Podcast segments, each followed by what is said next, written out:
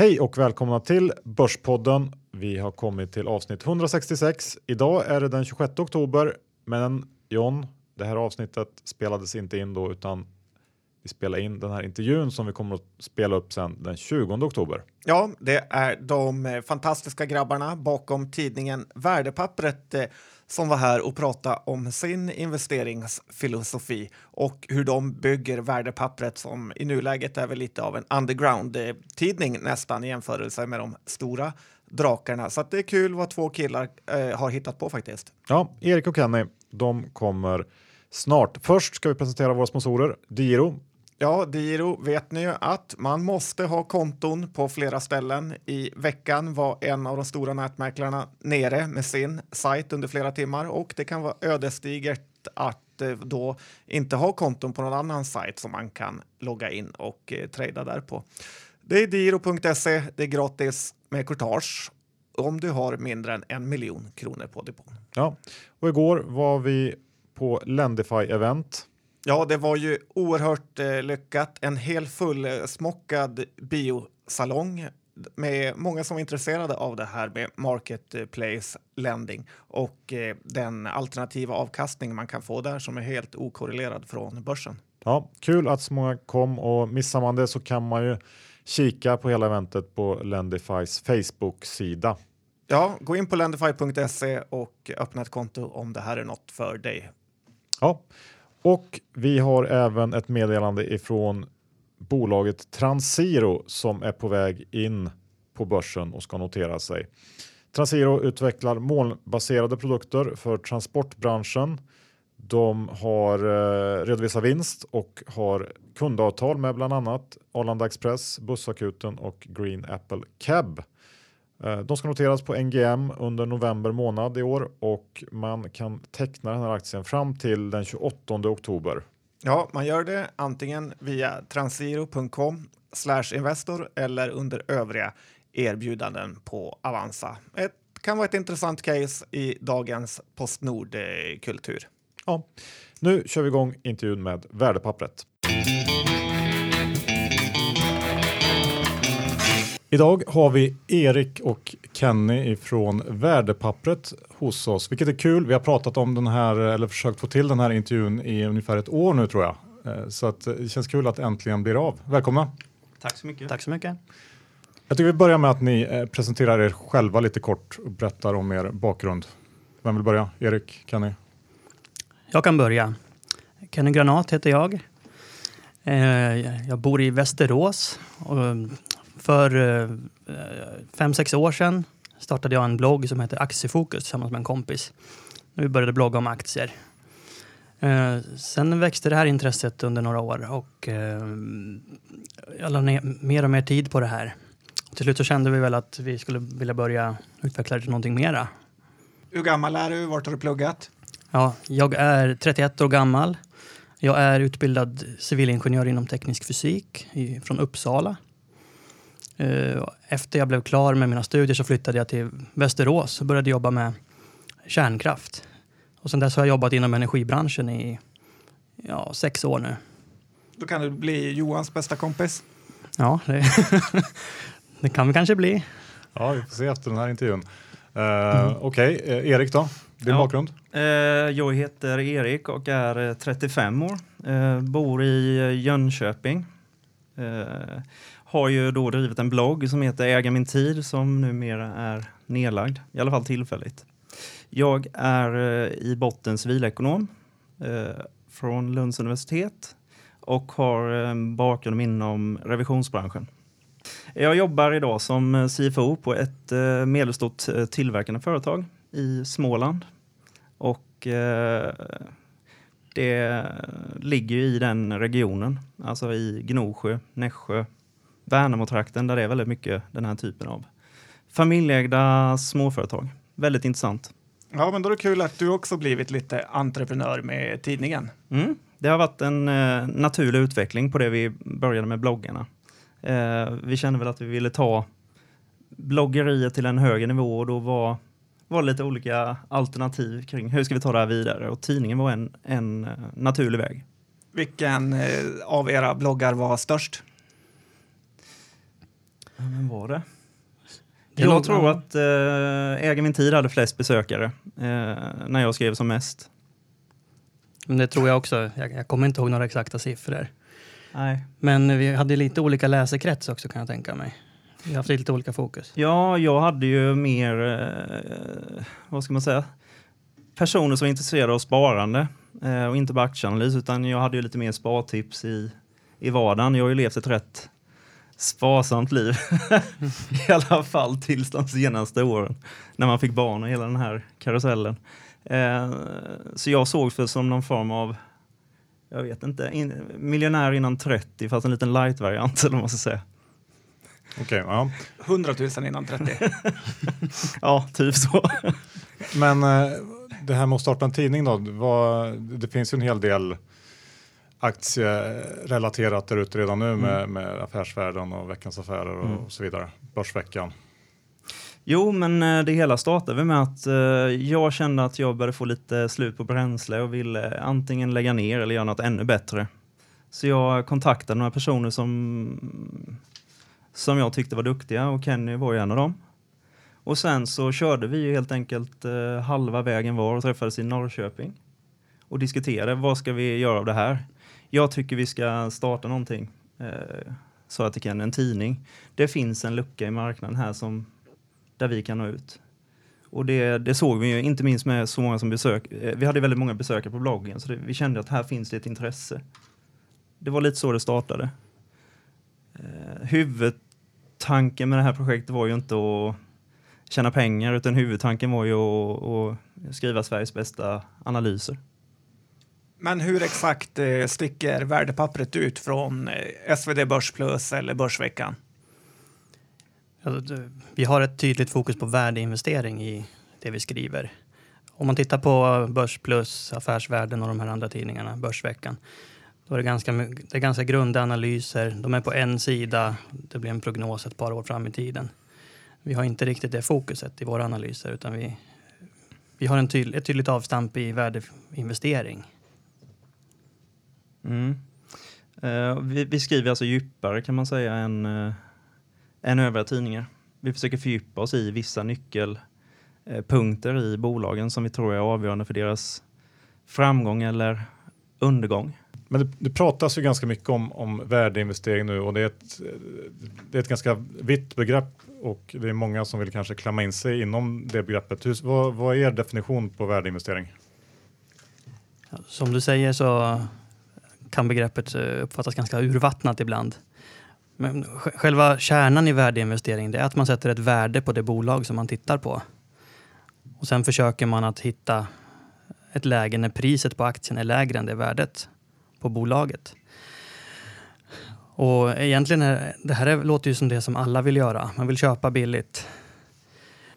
Ja, of- ofta är det så att eh, tillgångar och vinster i ett bolag Eh, förändras mycket långsammare än vad börskursen gör.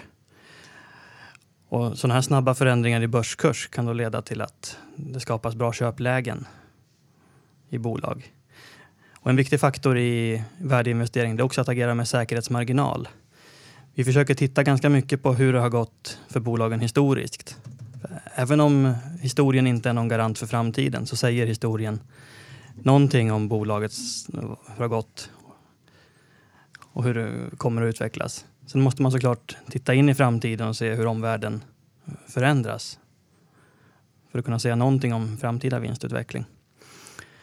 Och i, I begreppet säkerhetsmarginal så ingår också att man, vi försöker fokusera mer på att begränsa nedsidan i en aktie än att hitta de här stora raketerna. Eh, om man fokuserar på att begränsa nedsidan så brukar det ofta bli bra. För förr eller senare upptäcker marknaden då att det är ett bra case och handlar upp aktien. Ja, men hur har det här med nollränta påverkat er syn då? För att eh, tittar man på till exempel en, en värdering, eh, en snittvärdering, tioårssnitt eh, eller eh, liksom, ja, någon lite mer långsiktiga vinstmått så är det ju ganska dyrt nu. Och det innebär ju per automatik att det också blir svårt att få den här säkerhetsmarginalen. Eh, att man inte hittar så många case, eller? Ja, men det är helt rätt och det stämmer att det är lätt att dras med i den här börsuppgången och höga värderingarna. Jag tycker att att eh, många bolag är hutlöst värderade nu, eh, framförallt på large cap. Alltså det är allt från Axfood till ICA till Atlas Copco till Alfa Laval. Det är helt sanslösa värderingar de här bolagen. Det är alltså P 20-25 på, som jag bedömer, toppvinster. Så därför så gäller det att vara kall nu och inte gå på Atlas på 200 spänn eller 210 utan eh, 270 idag faktiskt. 270, ja. Eh, jag tyckte de var dyra på 180. Eh, men så att, eh, då gäller det att se, okej okay, vad har Atlas tjänat historiskt? Eh, jo, så här mycket och hur mycket kommer de tjäna framöver? Ja, troligtvis lite mer, men eh, de är dyra idag. Många, många bolag är väldigt dyra. Jag är lite skeptisk till värderingen på börsen i stort, men det finns ju undantag eh, om man plockar rätt bolag. Men hur hinner ni med allt när ni har eh, riktiga, inom situationstecken, jobb också, förutom att driva den här tidningen på fritiden blir det då? Mm. Nej, barnen går och lägger sig klockan 19, sen har man gott om tid. ja, det är ungefär samma här. Det blir ju kvällar och helger och så. Men tycker ni att ni har en edge eh, med eh, till exempel de som jobbar med det här på heltid när ni ändå får skriva tidningen på fritiden? Ja, eh, en edge som vi har det är långsiktighet. Och en annan edge är att vi kan titta på små bolag som inte många av heltidsproffsen kan göra. Så vi kan fokusera på att hitta små bra bolag där vi kan förvänta oss en god utveckling på lång sikt. Vi köper ett bolag och behåller det under lång tid. Och det kan inte alla göra. Hur, hur kom ni på, eller ni verkar ju ha, ha ungefär samma strategi sedan innan allihop. Hur, vad är, är bakgrunden till det? Vad har ni för, eh, för resa liksom inom aktieanalys om man säger så? Hur har han kommit fram till att det är det här som är det, det bästa? Jag har ju en eh, lång historik inom eh, aktiehandel. Jag har ju hållit på med allt från daytrading till eh, eh, högriskbolag och, och utdelningsinvestering och allt vad det heter. Eh, men eh, de sista fem åren har jag väl ägnat mig, eller fyra eller fem åren har jag ägnat mig åt den här typen av investering och den har ju växt fram sakta men säkert egentligen. Eh, man har ju gått på Anita genom åren och lärt sig en del eh, och nu har jag väl äntligen fått upp ögonen för att eh, eh den här typen av aktier som vi handlar kan gå upp väldigt mycket också utan att man behöver ta den stora risken eh, som man gör till exempel förhoppningsbolag eller så. Det så. bästa av två världar kan man väl säga. L låg risk och hög potential mm. är ju det man vill ha ut av en aktie. Geografiskt då, var tittar ni? Är det Norden bara eller är det hela världen? Europa? I princip tittar vi i hela världen, men fokus är på Norden. Det, man har ändå bättre koll vad som händer här hemma. Och det, det är stabilare länder, man känner till regelverken lite grann. Och man känner igen bolagen. Så fokus är på Norden, men hittar vi ett intressant bolag i Storbritannien, då är det klart vi tittar där. Hur hanterar ni det här med intressekonflikter som kan komma upp? Att ni kanske vill, man vill ju självklart äga aktierna man lägger ner så mycket tid på själv. Hur tänker ni där? Eh, vi skriver i tidningen vilka aktier vi äger själva. Eh, det, det, framgår ju i tidningen varje månad när vi ger ut den. Eh, så det, den eh, intressekonflikten hanterar vi väl eh, ungefär som de andra tidningarna. Den andra, som jag tycker viktigaste punkten är väl egentligen att vi skriver alltid om bolagen först i tidningen innan vi handlar dem. Eh, och sen om någon eh, vill ta rygg på det och handla upp bolaget så får de göra det. Men vi köper inte dem innan eh, så att vi får 10% kursuppgång varje gång vi skriver om något bolag. Och det tycker jag känns rätt skönt själva för att vår avkastning i bolaget bygger inte på eh, någon flock som följer det vi säger och köper upp det åt oss. Eh, när det gäller den personliga biten så ser, vi ingen, ser inte jag någon större intressekonflikt eftersom jag i regel äger mina bolag ja, från åtminstone ett år eller sex månader upp till eh, eh flera år. Och man kan väl avslutningsvis säga att vi har förbundit oss att inte sälja en aktie som vi har skrivit om inom en månad. Mm. Alltså samma regler som fondbolagen tillämpar. Mm. Ja, det lät ju väldigt ärligt och bra. Ja, det här med att ni inte sitter i Stockholm då, där allting, eh, allting händer och alla aktörer på marknaden finns. Hur ser ni på det? Jag satt och tänkte lite på det här eh, egentligen eh, när jag körde bil hit idag och Jag, jag kom underfund med att Jönköping är kanske lite som Omaha.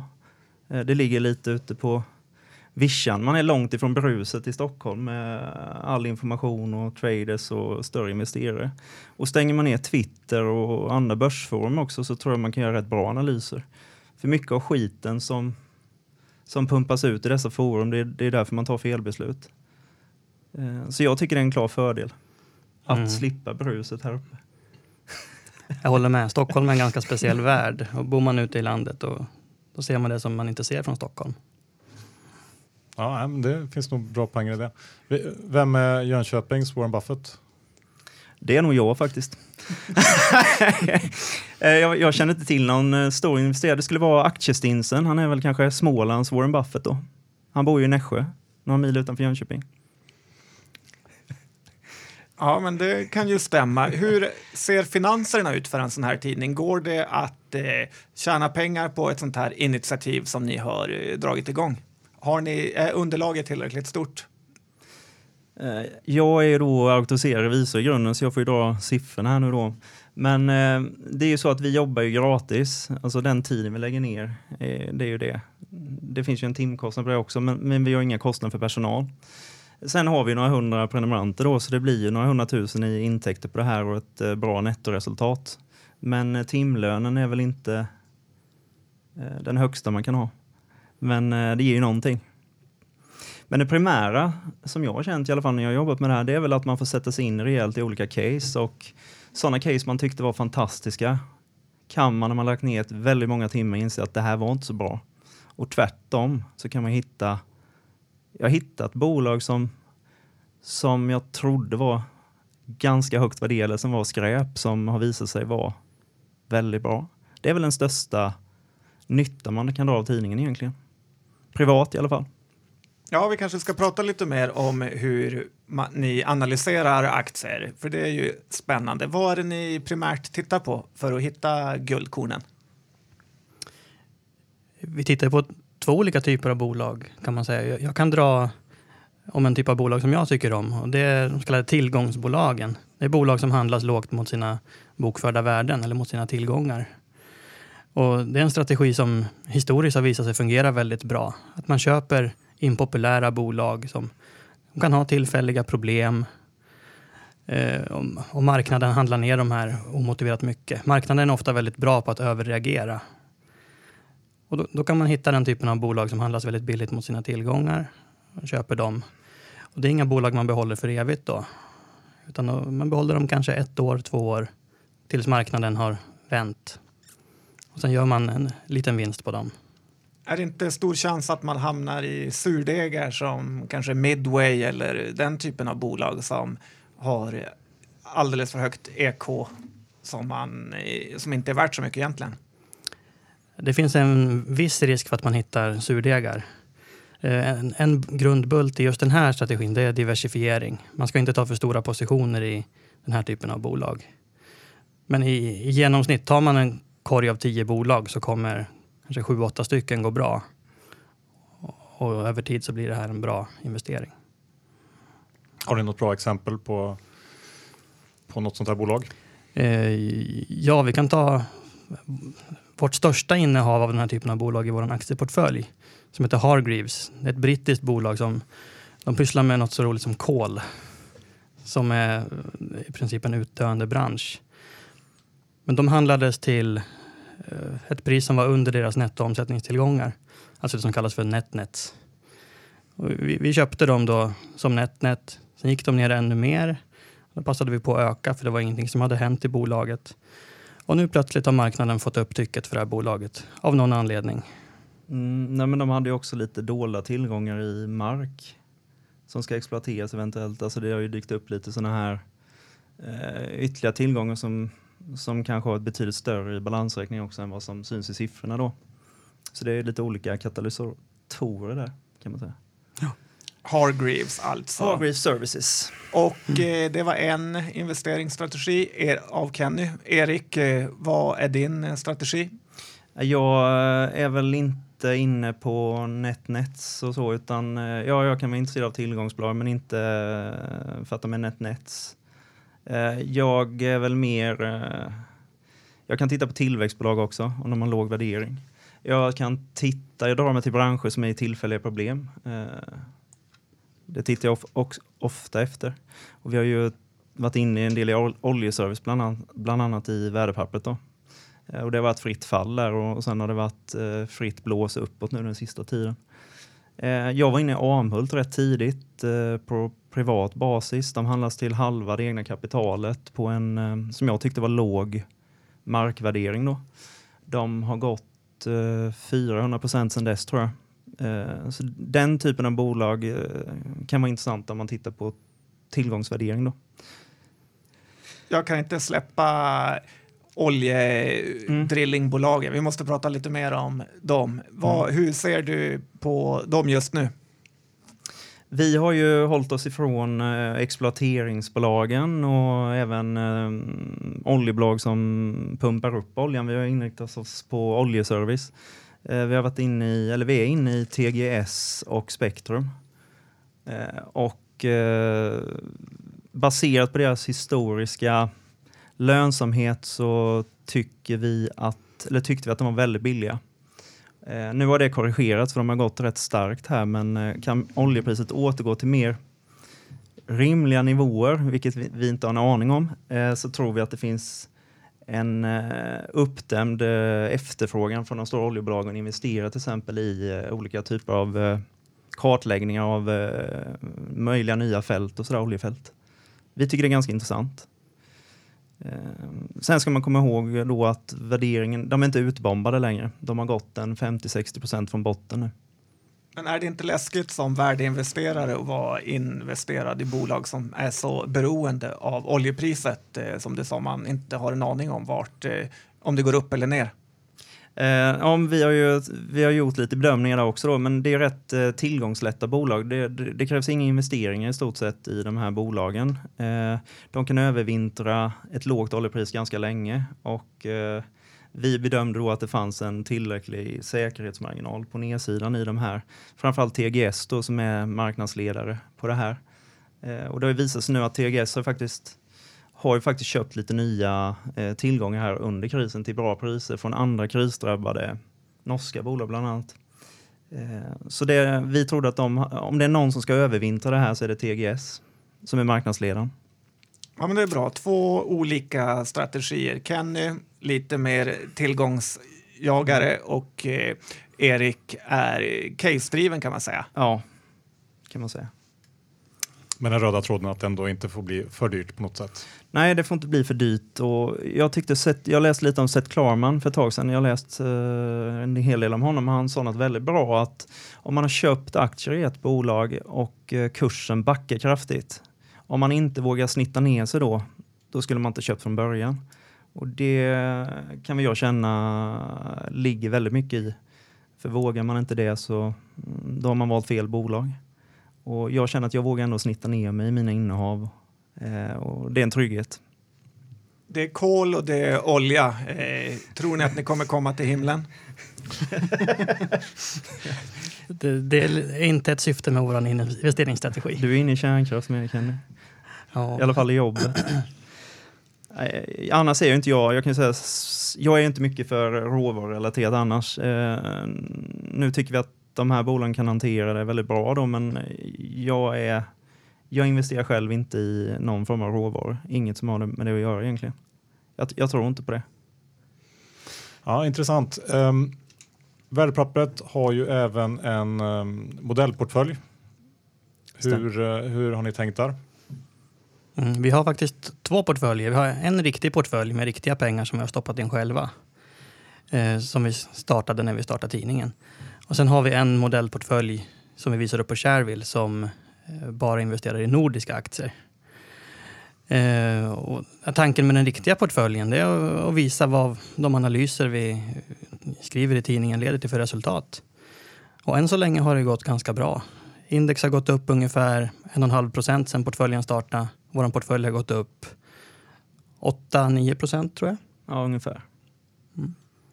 Mm. Så vi är nöjda hittills. Det har varit, eh, vi följer inte index eh, utan vi har legat kraftigt före index och vi har legat kraftigt under index men nu ligger vi kraftigt över igen. Skönt. Um, jag har kikat lite på portföljen och det är ju uh, en grej som slår mig är att det finns ju väldigt mycket finans där. Vi har ju både banker och försäkringsbolag. Så det verkar finnas en viss förkärlek till den typen av bolag. Ska vi börja prata lite om, om den sektorn? Varsågod Kenny. Du är ju bankanalytiker i det här gänget. Ja, jag är också rätt sugen på dem, men mm. du är väl mest inbiten på dem? Ja, jag har tittat på bank i många år. Det, det började egentligen på ett tips från Erik när han hade tittat på några danska banker kring 2012, 2013 någon gång. Uh, det intressanta med banker är att de har en väldigt välbeprövad affärsmodell. Banker har funnits i hundratals år och egentligen gjort samma sak hela tiden. Och vi tror de kommer göra samma sak i hundra, hundratals år till. Man lånar in... Skämma kunderna. ja, precis. Man eh, lånar in pengar från kunder så lånar man ut det dyrt till någon annan.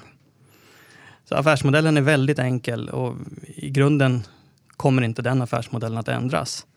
Sen finns det lite andra sidointäkter från provision och annat som just nu är satt under press.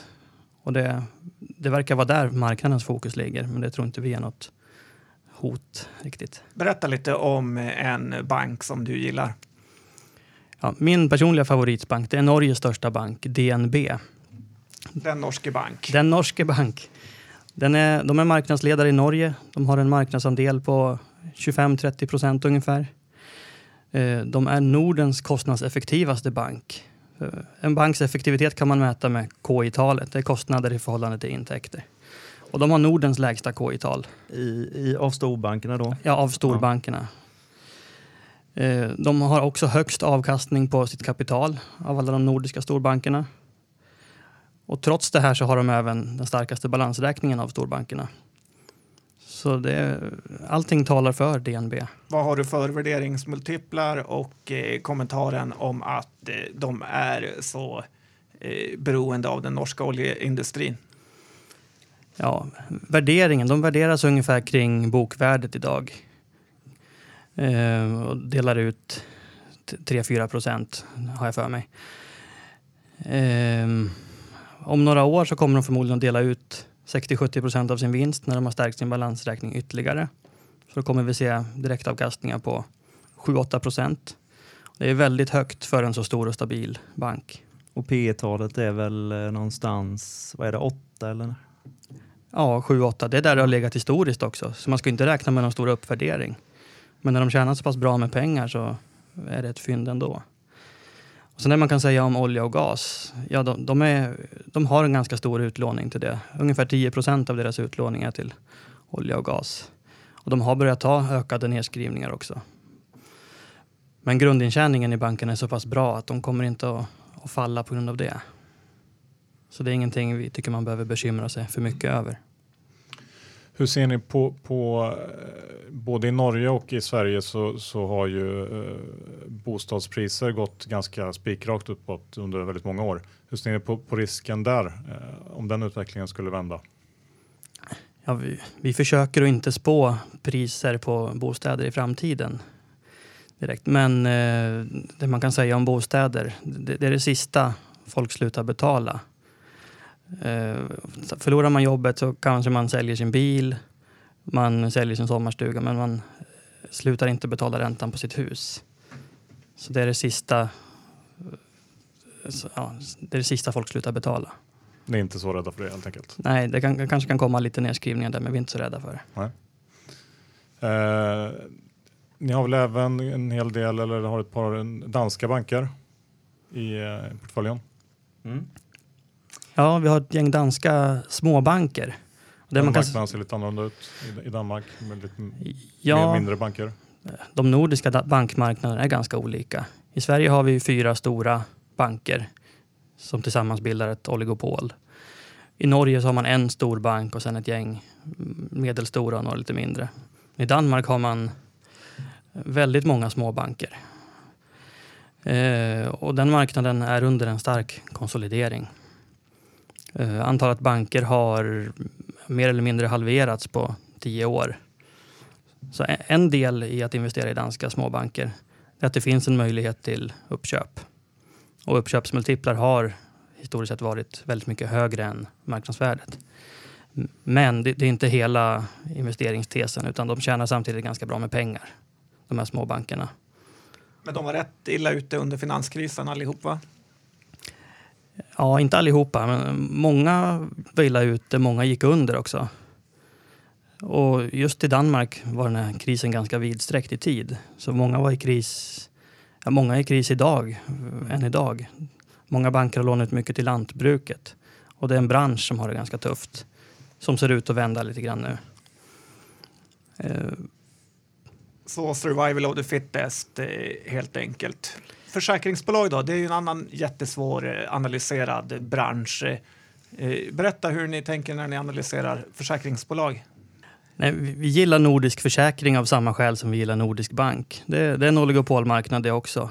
Marknaden är väldigt lönsam och har varit det väldigt länge och den kommer troligen att vara det väldigt länge i framtiden också. För det är svårt för nya aktörer att etablera sig. Det, det finns väl exempel på de som har försökt och inte lyckats så bra. Vardia till exempel. Ja. Ska vi prata lite Vardia, kanske er akilleshäl. Ni Ja. inledde värdepappret med en rek på Vardia om jag inte minns fel och eh, det gick ju inte eh, jättebra. Vad, hur, hur kom ni så fel på den pucken? Ja, nej, man kan inte få rätt varje gång. Nej, vi, vi gjorde en, eller jag gjorde en ganska djup analys av Vardia. Till en början så var den på aktiefokus, sen fick den även flytta med in i värdepappret. Och en stor lärdom från det är att eh, man ska inte analysera, överanalysera ett bolag på det viset. För det enda som händer är att man eh, blir alldeles för säker på sin sak och så kanske man missar elefanten i rummet. Och i, I fallet Vardia så var det två saker som tillsammans gjorde att det inte gick något bra. Det ena var att de hade en väldigt svag balansräkning och det andra var att de eh, ja, drabbades av en redovisningsskandal. Och det här ihop gjorde att hela bygget eh, mer eller mindre brakade ihop. Man kan väl säga också Kenny att jag själv missbedömde nog den säkerhetsmarginalen som fanns i hur mycket kundstocken var värd. Eh, där kan jag känna själv att jag kom, kom lite, jag var lite fel ute för att jag trodde nog att det underliggande värdet i vad det var, en slaktvärdering på vad det var nog högre än vad, mm, jag trodde den var högre än vad marknaden värderade den till. Och där kom jag lite snett kan jag känna. Sen redovisningsskandalen i sig, det var en rätt svettig dag. För mig i alla fall. Jag förlorade väldigt mycket pengar. Men den, den kom faktiskt som en blixt från klar himmel för mig. Men det är ju lite, jag själv har lite halvsvårt för finansiella bolag just Mm. för att det finns ganska goda möjligheter att trixa med redovisning Eh, och det är svårt att analysera balansräkningen i många fall. Eh, Men, men sa, du sa någonting eh, Kenny här tidigare att eh, du tyckte att du kanske överanalyserade. Det tycker jag också är en ganska intressant aspekt av att titta mer på. Eh, eh, En del verkar tycka att man inte kan analysera för mycket i ett bolag medan andra är mer åt andra hållet att det räcker med de stora bitarna. Har du några mer reflektioner kring det här? Och vad var det du menar att du överanalyserade? Jag har sett exempel på analyser av bolag som är på hundratals sidor när man tittar på den femte största konkurrentens omsättningsutveckling och det ena och det andra som är egentligen helt oväsentligt. Jag tror att varje bolag kan man kondensera ner till två, tre nyckelfaktorer som är värda att titta på. Sen kan man titta lite mer i periferin på andra faktorer. Men marginalnyttan när man gör det, den är väldigt, väldigt liten. Och risken är snarare den att man gör sig själv säker på någonting som inte stämmer. Ja, du nämnde till mig tidigare Kenny att eh, du missade elefanten i rummet för att du tittade på för mycket i periferin. Mm. Det ligger nog något i det. Men om man, det, innan vi lämnar försäkringsbolag, vad är det viktigaste man ska titta på, på när man analyserar ett försäkringsbolag? Ja, jag tycker inte vi ska lämna dem, för vi kan prata lite om ett bra försäkringsbolag Ja, också. vi, måste ju ta eh, Protector också. Ja, nej, det, det som är farligt med försäkringsbolag, det hade jag skrivit mycket om på Aktiefokus också. Det är små växande försäkringsbolag. Det är extremt viktigt att de gör tillräckliga avsättningar för framtida skadeutbetalningar. Och så var inte fallet i Vardia. Och det är extremt svårt för en utomstående att kontrollera. Så det, det ska man ta på allvar. Men vi kan titta på ett, ett bra försäkringsbolag istället. Protector Försäkring. Ja, för där har ni verkligen fått till en hit. Ja, det får man säga. Det var, det var faktiskt vi tre som är med i värdepappret. Jag, Erik och så Love. Som lyfte upp det bolaget i den svenska bloggosfären för ungefär tre år sedan. Jag blev tipsad av Love. Ungefär samtidigt, oberoende av varandra, så skrev jag och Erik en analys om bolaget. Och då stod aktien i 15 kronor. Idag står den i 80 kronor och vi tycker fortfarande att den är ganska billig. Och Protector Försäkring, de, de säljer försäkringar till eh, stora företag och kommuner huvudsakligen. Från början var deras stora grej att sälja typ av försäkringar till folk som flyttar från sitt hus. Men den delen är bara en liten del idag. Och du sa att den var billig fortfarande. Hur eh, ser värderingen ut? Ja, Protector de har vuxit ungefär 20 procent per år i tio år och de gör det fortfarande. P-talet då kan man tänka sig borde vara ganska högt. Men tittar man på senaste årets vinst då hamnar de ett P-tal på 14 ungefär. Och tittar man på största konkurrenten Gensidige som inte växer alls, då handlas de till ett P på 20. Så det är omvända världen. Vad är anledningen tror du att det är sån eh, värderingsskillnad? Ja, Protector är nog fortfarande underanalyserat och så är de ändå relativt små jämfört med Gensidige. Börsvärdet är ungefär 7 miljarder i nuläget. Eh, det fina med ett försäkringsbolag, de, de har intäkter från sina kunder och de här intäkterna kan de sen förvalta. Det kallas för float. Innan de sen ska betala ut en del till skador. Uh, och den här floaten tillsammans med andra tillgångar som de har samlat på sig kan de ha i en portfölj av aktier och fonder. Och den här portföljen som Protector har, den är ungefär 8 miljarder. Alltså större än börsvärdet. Över tid så kommer de att tjäna en hel del pengar på den här portföljen. Kanske 4 procent per år. Och bara den väger upp nästan hela börsvärdet idag. Jag hörde Charlie Munger varna lite för försäkringsbolag då den här nollräntan har gjort att mer och mer har gett sig in på försäkringsmarknaden. Hur ser du på det hotet? Nej, det, det, tycker vi är brus. De har en kraftigt växande float så de kommer kunna kompensera för det. Det är mer ett hot för livförsäkringsbolagen. Okej, okay. nu har det varit lite finanssnack. Um, Erik, vad har du för eh, uh, toppcase eh, som du vill ta upp? Ja, förutom Protector då, som är ett, uh, mitt största innehav i den privata portföljen så vill jag slå lite för ett uh, danskt bolag som heter AO Johansen som är en konkurrent till B&B Tools och Svedol. Ehm, de är verksamma i Danmark.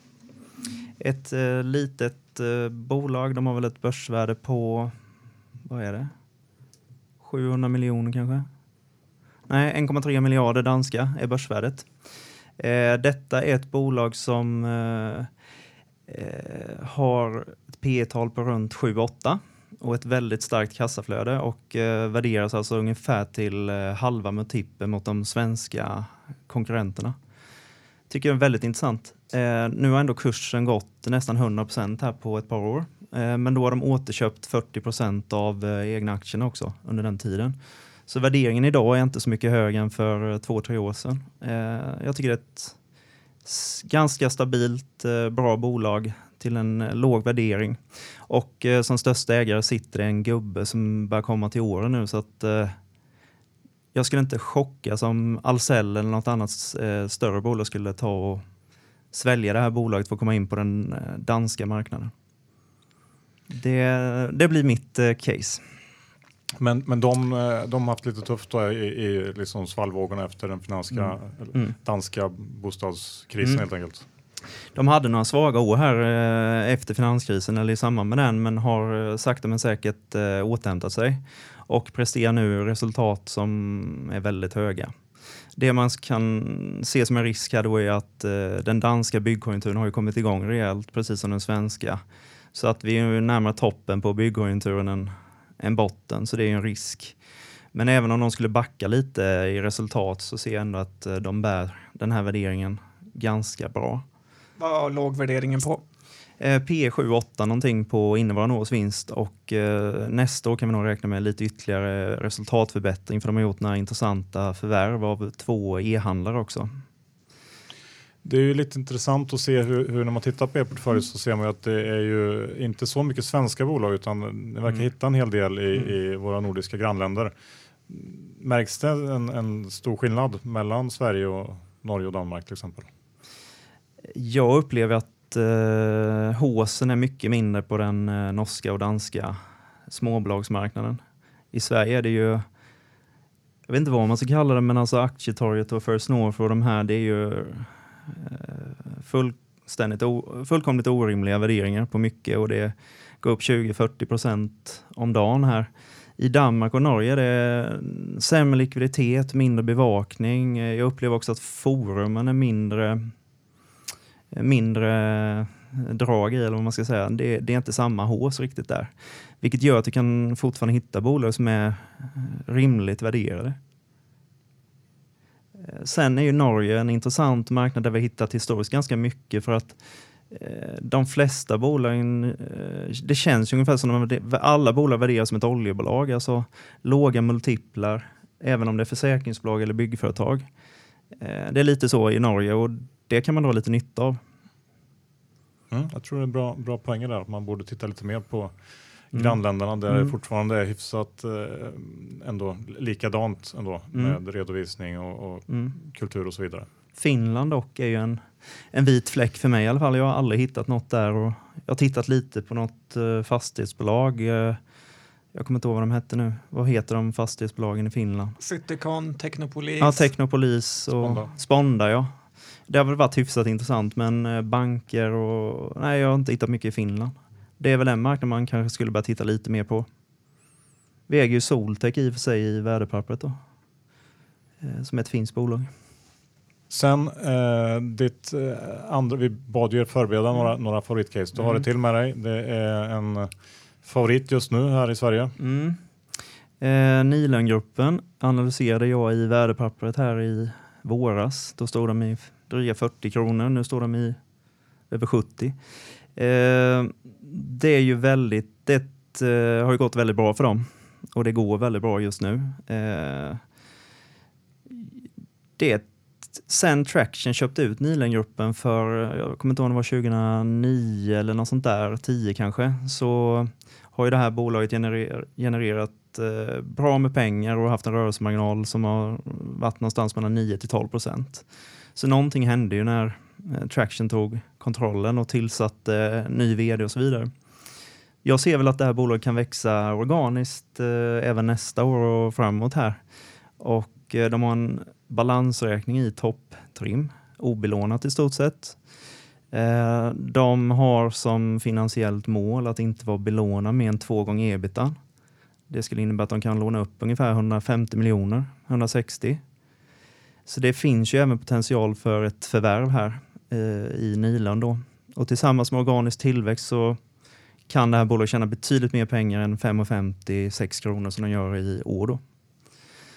Ja, det har ju gått väldigt bra. Vi gillar också aktien eh, när den var på 35-40. Nu Mm. känns den ganska högt värderad. Får ni inte lust att sälja när, det har, när aktien har dubblerats och eh, den har ju faktiskt haft eh, ett par riktigt dåliga kvartal också, framförallt Mm. de två första när Mm. bolaget kom in till börsen. Mm. Vi, eh, det är vårt största innehav i värdepapperets portfölj och, och själv har jag varit med sedan tidigt 30-tal. Eh, den är inte billig längre. Eh, den är väl mer rimligt värderad än billig idag. Eh, men jag ser fortfarande att det, det finns kvalitet i det här bolaget. Och, mm, när jag har ägt bra bolag som har gått bra så har det ofta varit att man har sålt för tidigt. Eh, och här snackar vi kanske listbyte till, vad kan det bli, small cap då. Vi kan snacka eventuellt något förvärv. Eh, jag tror att det finns möjlighet här att fonderna köper upp det här ytterligare eh, uppåt. Eh, på nedsidan finns ju, som ni var inne på lite här, det är ju väldigt eh, populärt just nu. Det gör lite ont i mig att eh, i stort sett alla äger det här bolaget nu, känns det som. En dålig rapport här så kan man nog komma in betydligt billigare. skulle jag tro. Ja, men det är länge kvar till nästa rapport. Jag ligger kvar till nästa rapport. Ja, har, ni något eh, mer kul i portföljen då, som är värt att lyfta upp? Ja, ett kul bolag, eller ett bolag som jag tycker är kul, det är Arise. Och det är ett vindkraftsbolag. De, de kör vindkraftsprojekt helt enkelt. De eh, ja, hittar platser att bygga vindkraft på och bygger vindkraftverken där. Sen säljer de dem vidare. Och i vissa fall behåller de vindkraftverken själva. Och det här är ett typiskt tillgångsbolag som jag gillar. De handlas under, under bokvärdet, till ungefär halva bokvärdet. Ehm, Men tittar man på de projekt som de säljer så säljer de dem oftast till bokvärdet. Så den värderingen är ganska märklig. Och en sak som är intressant i just Arise det är att eh, finansmannen Peter Gyllenhammar har gått in ganska tungt i det här bolaget. Och han brukar göra bra investeringar. Men finns det inte en risk att man, eh, att man blir- kvar med de, de liksom lite sämre eh, parkerna eller vindkraftverken och säljer av dem bra så att det ska ändå vara en, en skillnad i, i ja, värdering där? Ja, det finns en viss sån risk och dessutom har de en del eh, skulder. Så det är väl inget, eh, ingen aktie man ska gå in allt för tungt i. Vi har 2 av vår portfölj i det här bolaget. Och om elpriset går upp så kommer det bli en stor hävstång på, det här, på den här aktien. Um, nu får du rätta mig om jag har fel, men jag har för mig att Arise är lite, för det finns ju två stycken liknande bolag på börsen, Arise och eh, Eolus. Och jag mig att Arise har lite mer den eh, modellen att de, de driver och äger vindkraften lite mer än vad Eolus eh, vill göra. Ja, Arise har, eh, de har bytt affärsmodell till Eolus modell ganska nyligen. Ah, okay. skulle man kunna säga, det senaste året. Och det är en effekt av att Peter Gyllenhammar gick in i bolaget, skulle jag tro. eh, vad har vi mer? Vindkraft. Vi har eh, Belgiska vävmaskiner. Eh, vi äger ett litet bolag som heter Picanol som är noterat i Belgien. Eh, och det, är, det är ett bolag som säljer maskiner till konfektionsindustrin. Eh, ett lönsamt sådant med tillväxt. Eh, kursen har gått upp 100% sen vi köpte det nästan men eh, värderingen är fortfarande 10 gånger årsvinsten. Eh, det här bolaget är, har nettokassa och kommer har förvärvat ett bolag i Frankrike från franska staten eh, väldigt billigt eh, Eh, för att bredda verksamheten och kommer använda den kassan de har nu att förvärva ytterligare något bolag. Eh, största aktieägare eh, i det här bolaget är en eh, affärsman från Belgien som är väldigt, väldigt duktig, vilket gör att det är ett ganska kul case att vara med på och se vad han kan, hur han kan utveckla den här lilla vad ska man säga, investmentbolaget som man kanske kommer bygga upp här. Intressant case, lite svårhandlat då i, i Belgien. Är inte så, äger inte den här killen väldigt mycket? Är det inte väldigt liten free float? Jo, det är, bolaget? det är en liten free float. Eh, han äger, alltså det, det omsätts några tusen aktier om dagen så att eh, man får ligga ute och fiska om man ska få något. Tiden börjar ta slut, men innan vi, vi avslutar det här så har vi också ett eh, litet erbjudande ifrån er på värdepappret till Börspoddens lyssnare. Ni kan väl berätta vad ni har tänkt? Mm. Till alla Börspodden-lyssnare har vi tänkt eh, ge ett litet erbjudande. Alla som vill prova på värdepappret kan gå in på vår hemsida. Man trycker på prenumerera och sen går man ner en bit på sidan trycker på att man kan skapa ett konto från Börspodden. Och då får man prova värdepappret i en månad. Och efter en månad kommer man sen få ett erbjudande om att prenumerera ett helt år för 1500 kronor. Vårt ordinarie pris är 1900 kronor. Så vi hoppas det är ett bra erbjudande. Kenny och Erik, stort tack för att ni ville komma till Börspodden och prata värdepappret och er syn på aktier och hur man ska köpa dem och dra lite intressanta case. Tack så mycket. Tack så mycket.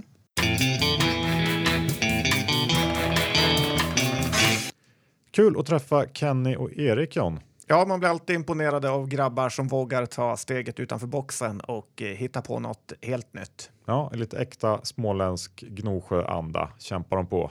Ja, det var det. Bra jobbat. Ja, tack Digiro för att ni sponsrar Börspodden.